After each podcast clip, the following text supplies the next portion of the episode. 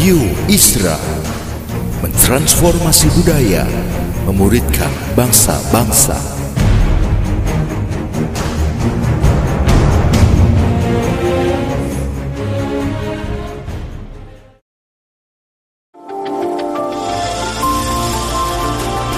Voice of Pradaim menyuarakan paradigma kebenaran firman Tuhan yang esensi untuk memperlengkapi Anda menggenapi misi dan panggilan ilahi. Selamat mendengarkan.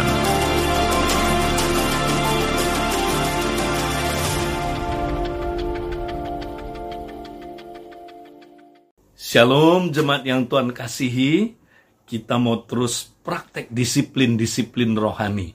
Masih ingat saudara, disiplin rohani tujuannya adalah supaya waktu kita mempraktekkan saudara, kita mengalami transformasi manusia batiniah kita. Kita mengalami saudaraku perubahan manusia roh kita sehingga kita makin serupa dengan Kristus. Ya, hati kita saudaraku menjadi hati seperti yang ada pada Kristus. Nah, kalau hati kita seperti hati Kristus, pasti kita akan berbuah buah-buah yang serupa dengan Kristus dalam karakter, dalam saudaraku pelayanan kita, kuasa Tuhan bekerja lewat kita, kita bersama-sama menjadi komunitas yang serupa dengan Kristus, saudara. Haleluya. Nah, bagaimana caranya, saudara? Kita mengalami transformasi manusia batinia kita? Masih ingat, saudara? Melalui disiplin-disiplin rohani. Sebab disiplin rohani, saudara, adalah bagian dari kasih karunia yang diberikan oleh Kristus supaya kita berubah dari dalam. Nah, saudara, kita sudah belajar ya sebelumnya bahwa untuk mempraktekkan disiplin apa pun, saudara, jangan lupa kita harus punya satu disiplin yang paling utama, saudaraku, yaitu disiplin rahasia. Disiplin kerahasiaan. Nah, disiplin ini penting, saudara, karena kalau kita melakukan disiplin-disiplin tanpa motivasi yang benar, yaitu untuk menyenangkan Tuhan, untuk mengalami transformasi hati, bukan untuk dipuji manusia, bukan untuk cari reputasi, maka kita akan mengalami transformasi hati serupa dengan hati Kristus, saudara. Ya, tapi kalau kita lakukannya untuk dipuji manusia, ya kita dapat cuman pujian-pujian manusia, bahkan pujian manusia dan saudaraku jebakan reputasi itu bahaya akan membuat kita nanti jatuh dalam dosa, ya bahkan kita jatuh dalam dosa kemunafikan, saudara.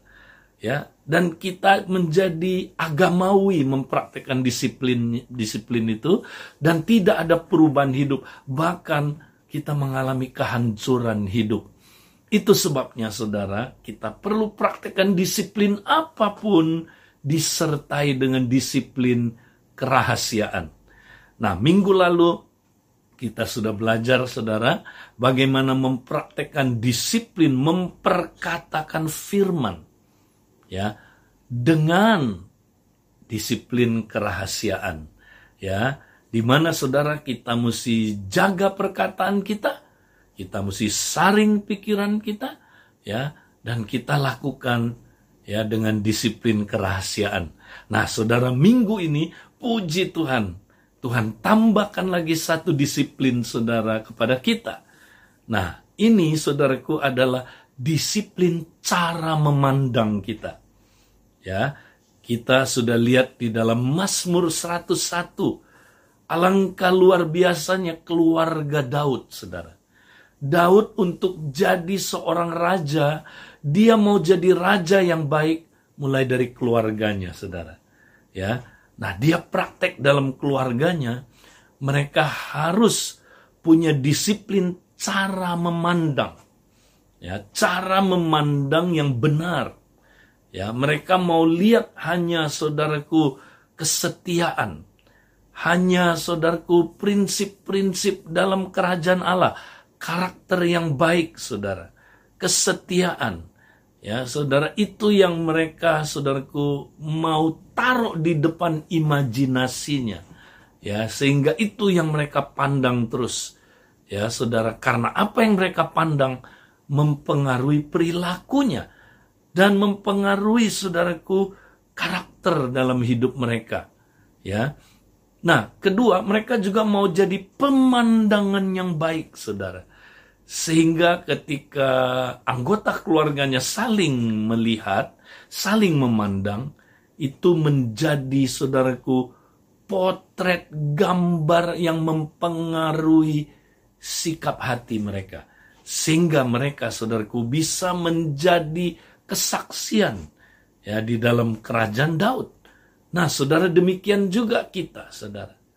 Di dalam keluarga, mari kita praktekkan bagaimana kita mempunyai cara pandang yang baik, saudara, ya, dan kita menjadi pemandangan yang baik, ya. Kita melihat gambar-gambar yang baik, video-video yang baik, dan kita menjadi video-video yang baik juga, menjadi contoh buat keluarga kita, saudara. Nah, ini penting. Nah, kenapa ini penting, saudara? Karena ini salah satu disiplin dalam Matius 6. Nah, hari ini, saudaraku, kita mau lihat, saudara, disiplin apakah itu? Nah, Matius 6 ayat 21 sampai 23 saya mau bacakan dalam terjemahan BIMK. Karena di mana hartamu, di situ juga hatimu. Ya, jadi saudara, kalau kita, saudaraku, ya, terus melihat harta dengan cara yang salah, saudara, maka itu terekam dalam hati kita. Nah, hati kita nanti akan ditarik, dikuasai oleh harta itu, saudara. Ya, karena harta itu seperti smartphone yang saya katakan dia adalah hamba yang baik, tapi dia Tuhan yang jahat. Ya, kalau kita melihat saudaraku harta itu sebagai Tuhan, wah kita habis diperbudak oleh dia, saudara. Sehingga di mana apa saudaraku mata kita, eh sorry, di mana harta kita, di situlah saudaraku hati kita berada. Nah, jadi saudara, supaya kita enggak menyembah berhala mamon, nah Tuhan ajarkan kita bagaimana kita cara pandangnya terhadap mamon, terhadap uang, saudara. Nah, Tuhan bilang begini, saudara. Mata adalah lampu untuk badan. Kalau matamu jernih, seluruh badanmu terang benderang. Ya, maksudnya apa, saudara? Mata ya itu adalah saudaraku jendelanya manusia batiniah kita. Ya, jadi lewat situ terang masuk, Saudara. Ya, kalau terang itu masuk, teranglah saudaraku manusia batiniah kita. Ya. Nah, kalau manusia batiniah kita saudaraku terang, ya hidup kita memancarkan terang. Ya, hidup kita, saudaraku, menjadi berkat. Orang dapat melihat terang itu keluar dari hidup kita. Tapi dia bilang begini, ya, kalau matamu jernih, seluruh badanmu terang benderang. Nah, saudara, mata itu, mata batinnya, saudara, itu bisa dipengaruhi dari dua sumber, saudara mata roh kita yang udah lahir baru yang dari Tuhan. Wow, ini mata saudaraku melihat kebenaran-kebenaran, melihat saudaraku prinsip-prinsip kerajaan, ya, cara pandang kerajaan. Ini mata yang dari roh kita. Tapi sering kali mata kita dipengaruhi oleh saudara mata yang dari jiwa yang udah rusak itu saudara. Yaitu pikiran, perasaan, dan sikap-sikap kita. Nah saudara, kalau kita hidup menurut mata roh, ya, menurut mata yang dari roh kita, saudara, kita pasti, saudaraku, hatinya itu akan ditransformasi.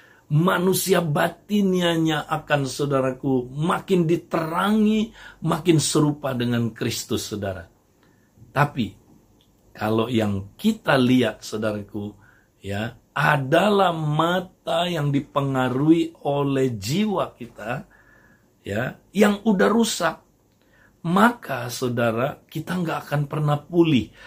Bahkan apa yang sudah ada, saudaraku, di dalam hati kita makin dikonfirm, ya, makin dikonfirm, makin kuat bekerjanya, saudara. Nah, jadi ada orang, saudara, ya, dia cara melihatnya, saudaraku, ya, dia nggak bisa melihat dengan cara mata rohani, ya tapi saudara dia melihatnya kecampur dengan mata jiwaninya dia ya saudara nah apa akibatnya? Matanya nggak jernih. Ya jadi kecampur. Istilahnya gini saudara. Lensanya nggak bening. Nah itu dia. Karena nggak bening ya sudah ada saudaraku pengaruh-pengaruh dari jiwanya. Makanya saudara dia cara lihatnya nggak jelas. Nah, Tuhan mau kita rubah. Ya. Makanya saudaraku, kita mesti terus tinggal di hadirat Tuhan, lakukan disiplin ini. Kalau kita berjalan tiap hari dengan Roh Kudus, Saudara, nanti Roh Kudus kasih tahu, eh eh eh, ini cara pandang yang salah. Ya. Kamu tidak single eye, ya. Single eye itu gini. Melihat hanya dengan satu cara pandang saudara, yaitu cara pandangnya Kristus. Kalau saudara bisa lihat itu saudara, maka seluruh manusia batinnya saudara ya akan jadi terang. Tapi kalau saudara melihatnya ya dengan apa saudara? Dengan mata jiwani yang sudah rusak oleh dosa, ya istilahnya saudaraku lensanya gelap ya karena saudaraku ditutupi dengan kegelapan pikiran-pikiran yang gelap perasaan-perasaan terluka, sikap-sikap yang jahat. Saudaraku, apa yang terjadi, saudara? Maka waktu kita lihat jiwa kita, apa, sorry, manusia batinia kita, saudara, bukannya makin terang, ya makin gelap. Nggak bisa memancar keluar melalui tubuh kita. Makanya dia bilang begini, tetapi kalau matamu kabur atau gelap ya, seluruh badanmu gelap gulita. Jadi kalau lampu di dalam dirimu itu gelap, alangkah pekatnya kegelapan itu saudara. Kita mestinya jadi terang di dunia yang gelap. Tapi kalau kita saudaraku, manusia batinnya gelap, yang nggak keluar dari tubuh kita saudara, terang itu, maka alangkah gelapnya kegelapan itu, saudara. Ya, jadi dunia gelap kita tambahin lagi lebih gelap.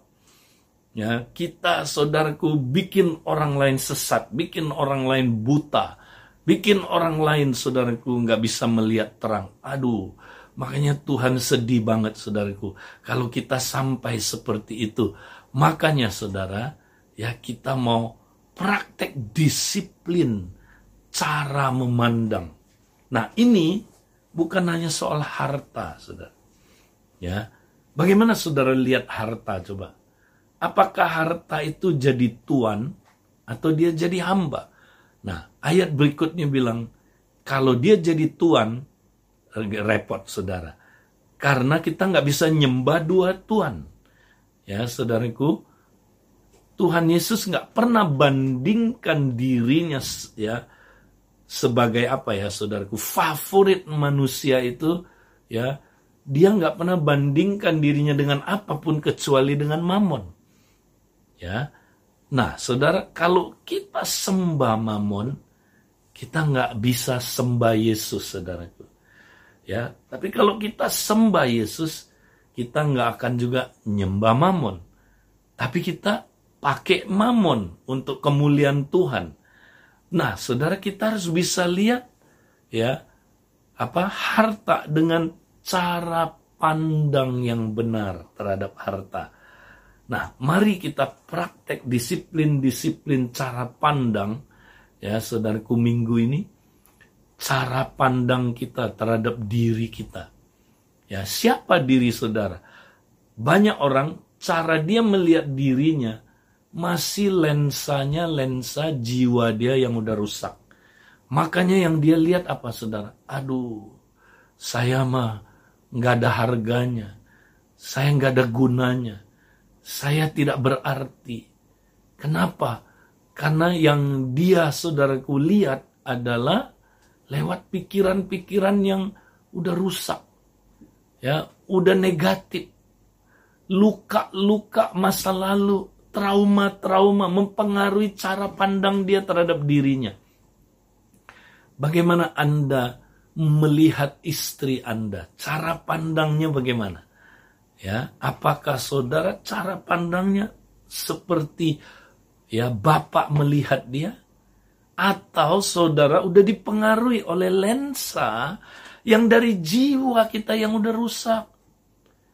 Makanya saudara cara pandang menentukan saudaraku ya hati kita ya ya menentukan saudaraku pikiran kita saudaraku tentang diri kita pikiran kita tentang diri kita menentukan sikap hidup kita dan sikap hidup kita, saudara, menentukan tindakan-tindakan kita, dan tindakan-tindakan kita menentukan, saudaraku, ya, karakter kita. Karakter kita menentukan nasib kita di masa depan. Maukah saudara merubah cara pandang saudara? Mari kita, saudaraku, izinkan terang dari Allah. Terang itu firman, saudara Ya, kita mau memandang sesuai dengan apa kata firman. Bukan apa kata saudaraku jiwa kita yang udah rusak. Saudara mau praktek disiplin-disiplin ini luar biasa. Nanti saudara hi lihat hidup saudara akan berubah. Ya, bukan cuman saudara berubah, saudara akan jadi berkat buat banyak orang terang saudara akan menerangi kegelapan. Sehingga orang lihat kerajaan terang itu saudara. Mari saudara, kita semangat ya. Nah, mari kita praktekkan disiplin-disiplin rohani dengan semangat agar kita ya dibentuk ya diubahkan, ditransformasi manusia batinianya makin serupa dengan Kristus. Haleluya. Tuhan berkati kita saudara. Amin.